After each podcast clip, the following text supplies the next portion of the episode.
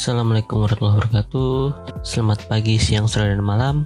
Kembali lagi di Interisme Podcast Podcast yang berisi tentang berita-berita seputar Inter Yang gue kutip dari sosial media dan portal-portal berita olahraga. Kali ini gue ngetek tanggal 14 Mei Atau hari kedua lebaran tahun ini. Jadi gue mau ngucapin dulu selamat Hari Raya Idul Fitri tahun 1442 Hijriah bagi semua teman-teman intristi yang beragama Islam dan selamat memperingati hari kenaikan Isa Al-Masih bagi teman-teman intristi yang merayakannya. Oke, kali ini gue akan langsung membahas sedikit tentang dua pertandingan Inter kemarin, yaitu melawan Sampdoria dan Roma di Giuseppe Meazza di mana status Inter ketika menghadapi Sampdoria itu udah menjadi juara Liga Italia musim ini. Dan Claudio Ranieri beserta tim dengan besar hati memutuskan untuk memberikan guard of honor untuk para pemain-pemain Inter. Big respect untuk Opa Ranieri dan para pemain-pemain Inter yang ada di squad Sampdoria kemarin yaitu ada Kandreva dan Keta Balde. Kelihatan banget Kandreva ini berdiri di bagian paling depan dan hampir menyelami semua teman-temannya terutama ke pemain-pemain yang udah bermain lama bersama Kandreva di Inter Milan. Kemudian juga ada Keta Balde yang tampak sangat excited dan cukup akrab ke pemain-pemain Inter. Oh ya untuk Kandreva juga sebenarnya kan status dia masih pemain pinjaman ya, pemain Inter yang dipinjamkan ke Sampdoria musim ini.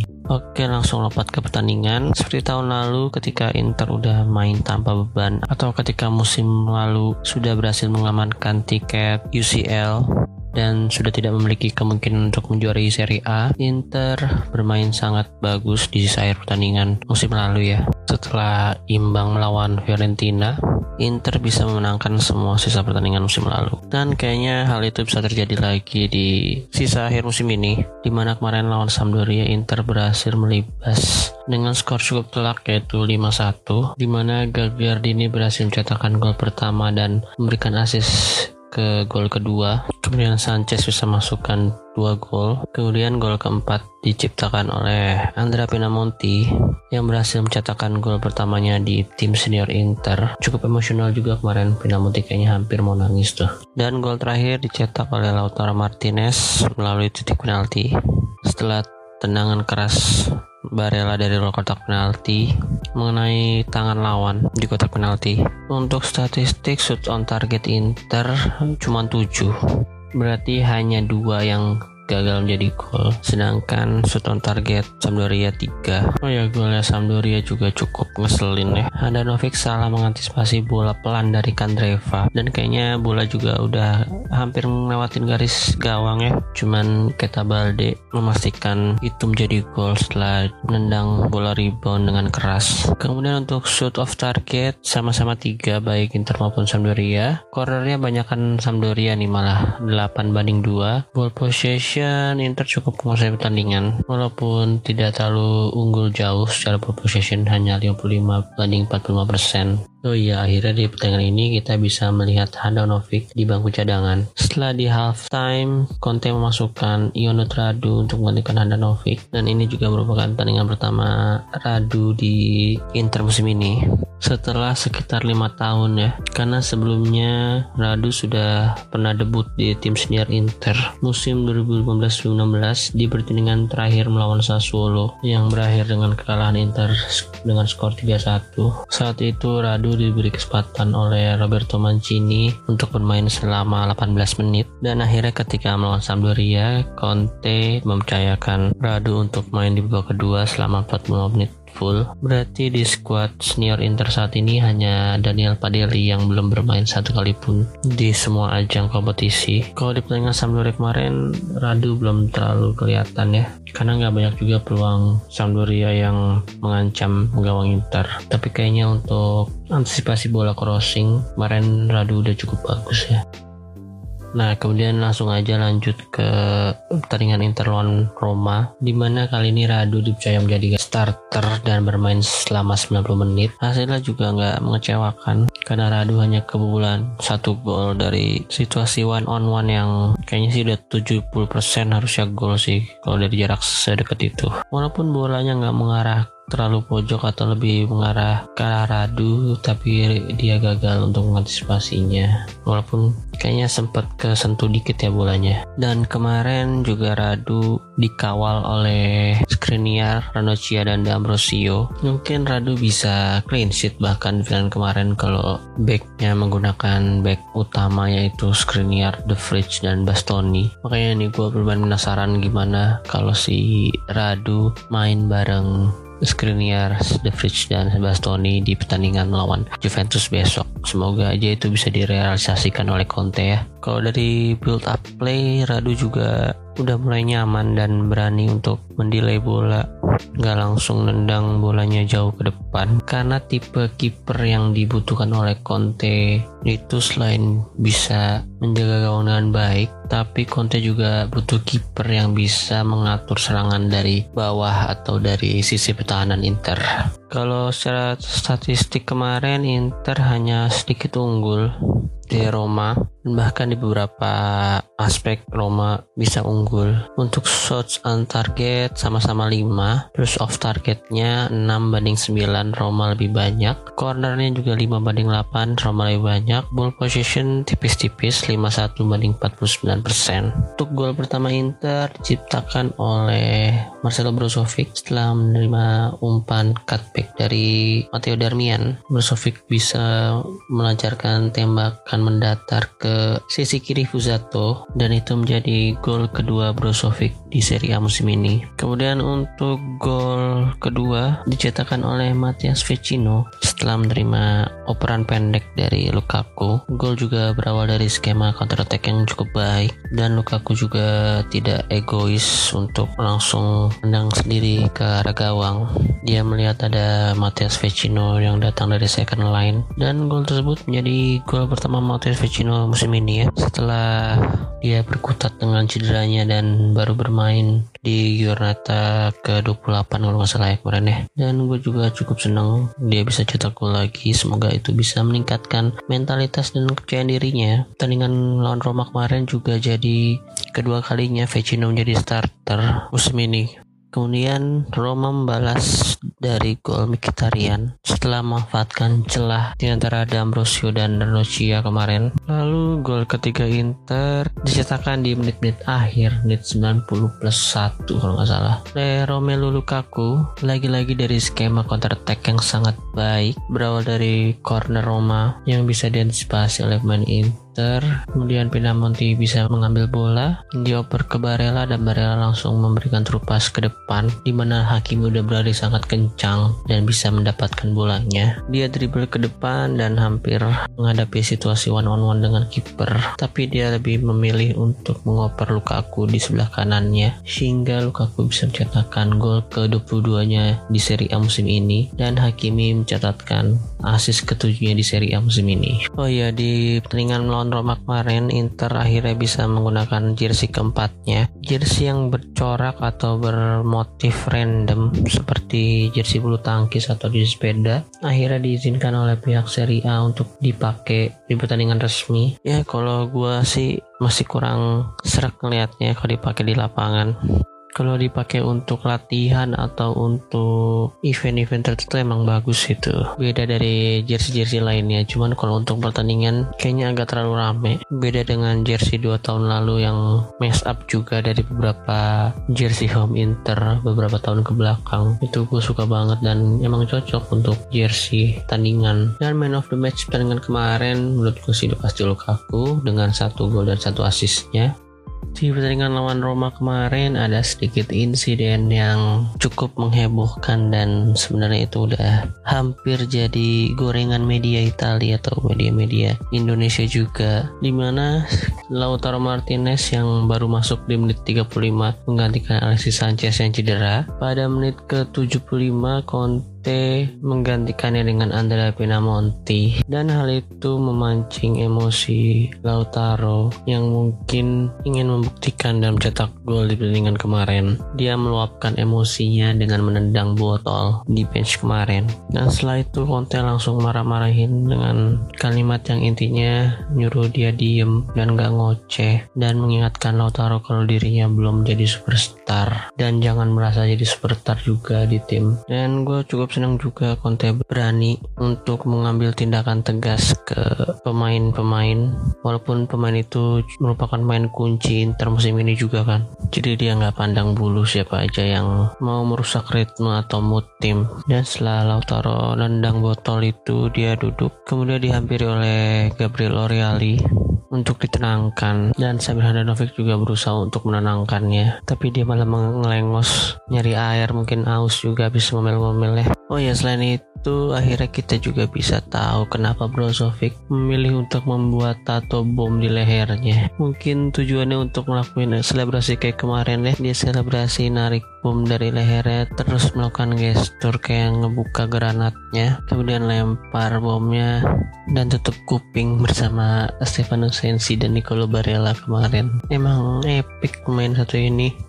Aneh-aneh aja gayanya selain itu juga kemarin dia masih pakai celana yang logonya masih logo lama. Emang pengen beda sendiri nih kayaknya Oke, segitu aja ulasan pertandingan kemarin. Di episode kali ini gue nggak ada topik spesifik yang akan gue omongin.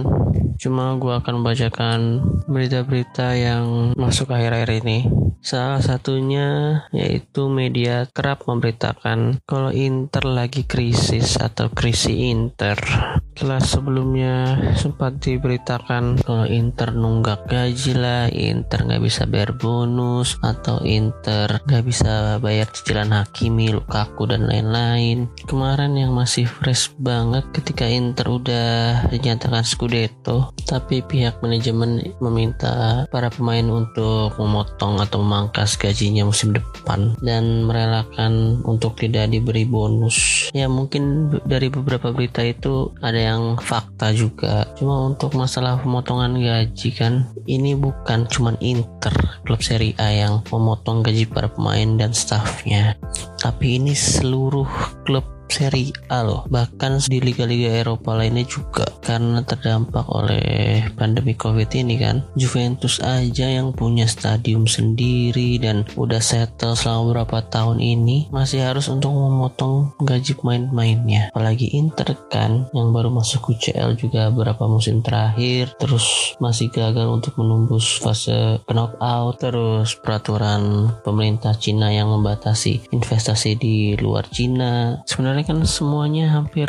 kesulitan ya untuk masalah gaji ini. Tapi kenapa cuma Inter doang nih yang diserang terus-terusan sama media? Dan gue yakin banget tuh kalau kemarin para media itu udah nyiapin setelah pertikaian Lautaro versus Conte kemarin. Tapi dengan cerdiknya manajemen entah itu Sul siapa ya kemarin mereka mengeluarkan video yang menurut gue kocak banget tuh. Video pertandingan tinju antara Lautaro melawan Conte aku di sana berperan menjadi announcernya.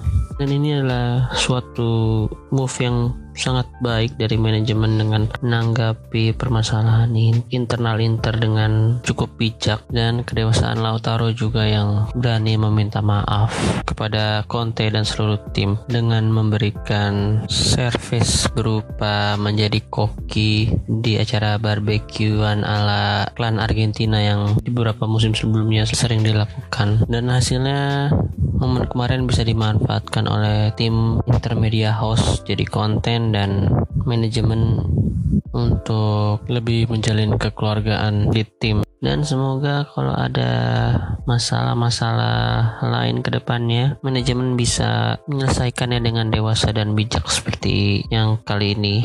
Dan semoga nggak terjadi lagi masalah antar pemain dan pelatih atau pemain dan manajemen atau uh, pemain dengan pemain seperti kasus Osvaldo dan Mauro Icardi kemarin. Dan gue rasa sih ini peran besar Conte ya di mana dia juga pernah bilang kalau dia mau manajemen melindungi para pemain-pemainnya dari tekanan dan serangan media. Oh iya, gue mau ngucapin juga happy birthday ke Romelu Lukaku yang ke-28 dan kabarnya juga Lukaku, Hakimi yang dan Perisic itu didenda setelah mereka makan di luar luar dan di luar jam malam kota Milan saat itu. Tapi media memberitakannya kalau Lukaku didenda karena mengadakan pesta ulang tahunnya. Padahal mereka hanya makan malam biasa, tapi di restoran yang sama itu memang ada pesta ulang tahun. Tapi bukan Romelu Lukaku yang mengadakannya. Kemudian kemarin juga beredar konsep awal atau bocoran jersey Inter home musim depan. Modelnya itu itu seperti kulit ular dengan warna biru yang kurang gelap dan warna hitam. Kalau dari modelnya sih menurut gua masih kurang lah ya dan nggak banget itu warnanya kurang gelap atau kurang statement gitu. Tapi sih gua harap ini baru konsep-konsep awal doang dan nantinya Nike akan memberi finishing detail yang bisa memperbaiki looknya sekarang. Lagi kalau nanti ada sponsor yang baru ya dan patch juga juga pastinya. Selain itu, pemilihan font juga bisa sedikit membantu lah kalau fontnya tepat atau cocok bisa memperbaiki modelnya ya. Sampai saat ini sih banyak respon negatif ya dari industri di seluruh dunia dari untuk masalah modelnya. Tapi kan memang biasa juga gitu kayak jersey yang musim ini ketika konsepnya keluar musim lalu kan aneh juga ngeliatnya kayak jejak ban gitu kan atau semangka lah. Cuman ketika kita terbiasa melihat jerseynya dipakai pemain-pemain Inter, sebenarnya kelihatannya sekarang oke-oke aja kan. Jersey away-nya juga yang kayak taplak juga sempat dihujat dan jadi meme persepak bolaan seluruh dunia kan? Tapi ironisnya dengan jersey taplak itulah Inter bisa mengunci Scudetto-nya musim ini.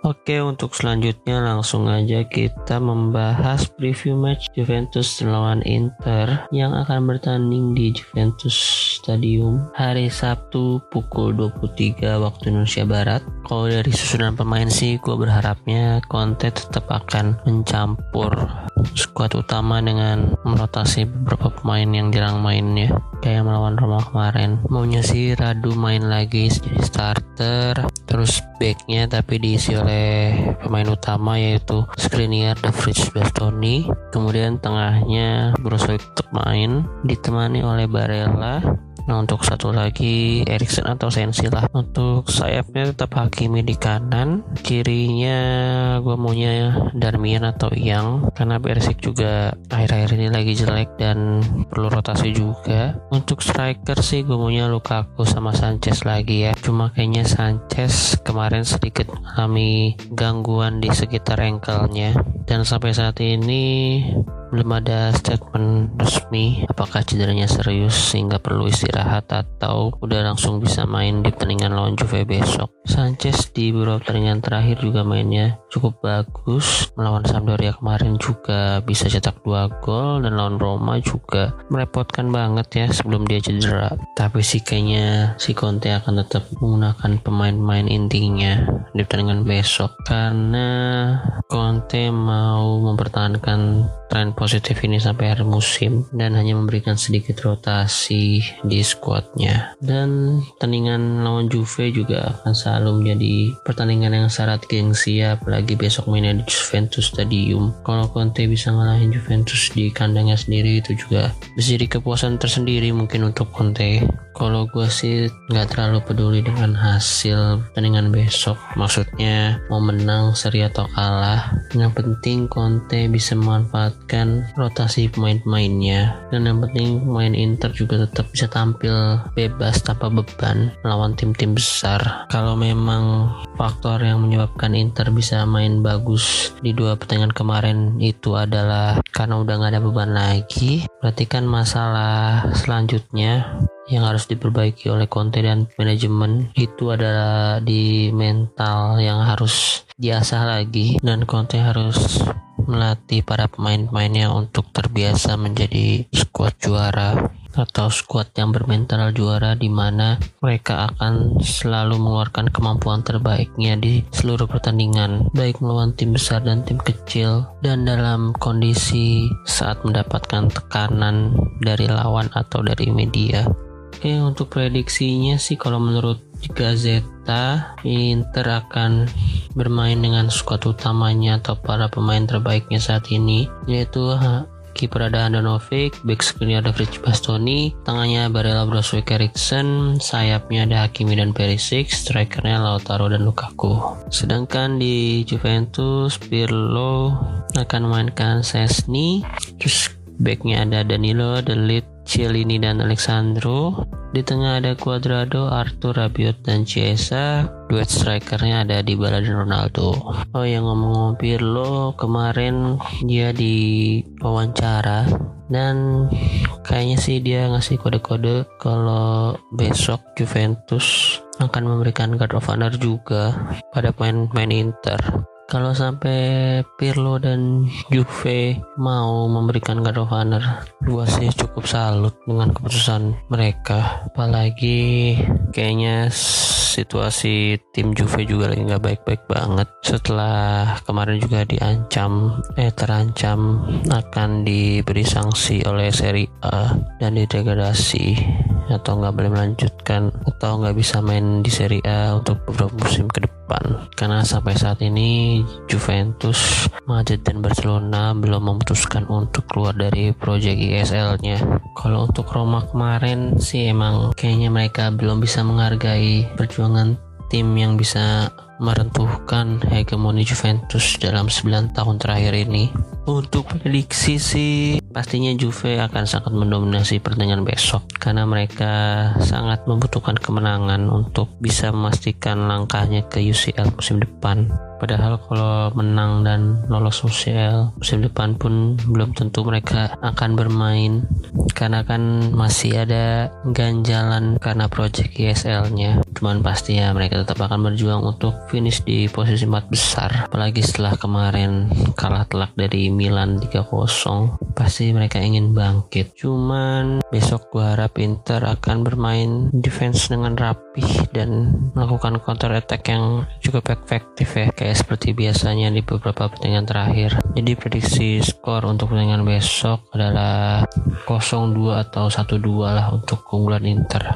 0-2 aja lah, pede aja. Ada Novik bisa clean lagi di Juventus Stadium.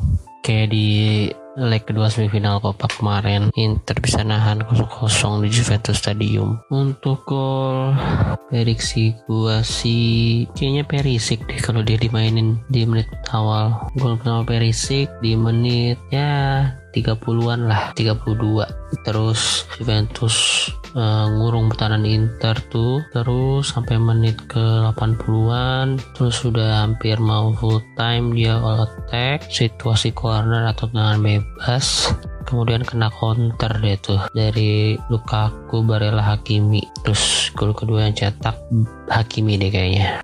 Di menit-menit akhir Oke, sekian gitu aja prediksi gua. Sekali lagi gua mau ngucapin selamat Hari Raya Idul Fitri, minal aidin wal faidin. Mohon maaf lahir dan batin. Tolong dimaafkan kalau ada kesalahan kalimat atau kata atau bahkan ada sedikit kesalahan informasi yang gue berikan selama ini. Terus terima kasih untuk kalian semua yang udah mau dengerin hingga menit kesekian. Tolong di follow akun sosial medianya. Di Twitter ada di Interisme Media, di Instagram ada di Intrisme Podcast. Kemudian boleh di subscribe juga akun Spotify-nya dan bagiin ke semua teman-teman Intristi kalian dengan meng-share-nya di IG Story dan mention ke Intrisme Podcast. Kemudian kalau ada dari kalian yang mau ngasih saran, masukan dan mungkin tema yang ingin dibawakan, boleh langsung melalui DM atau komen atau reply kalau di akun Twitter. Oke, sekali lagi terima Terima kasih. Arrivederci. Forza Inter.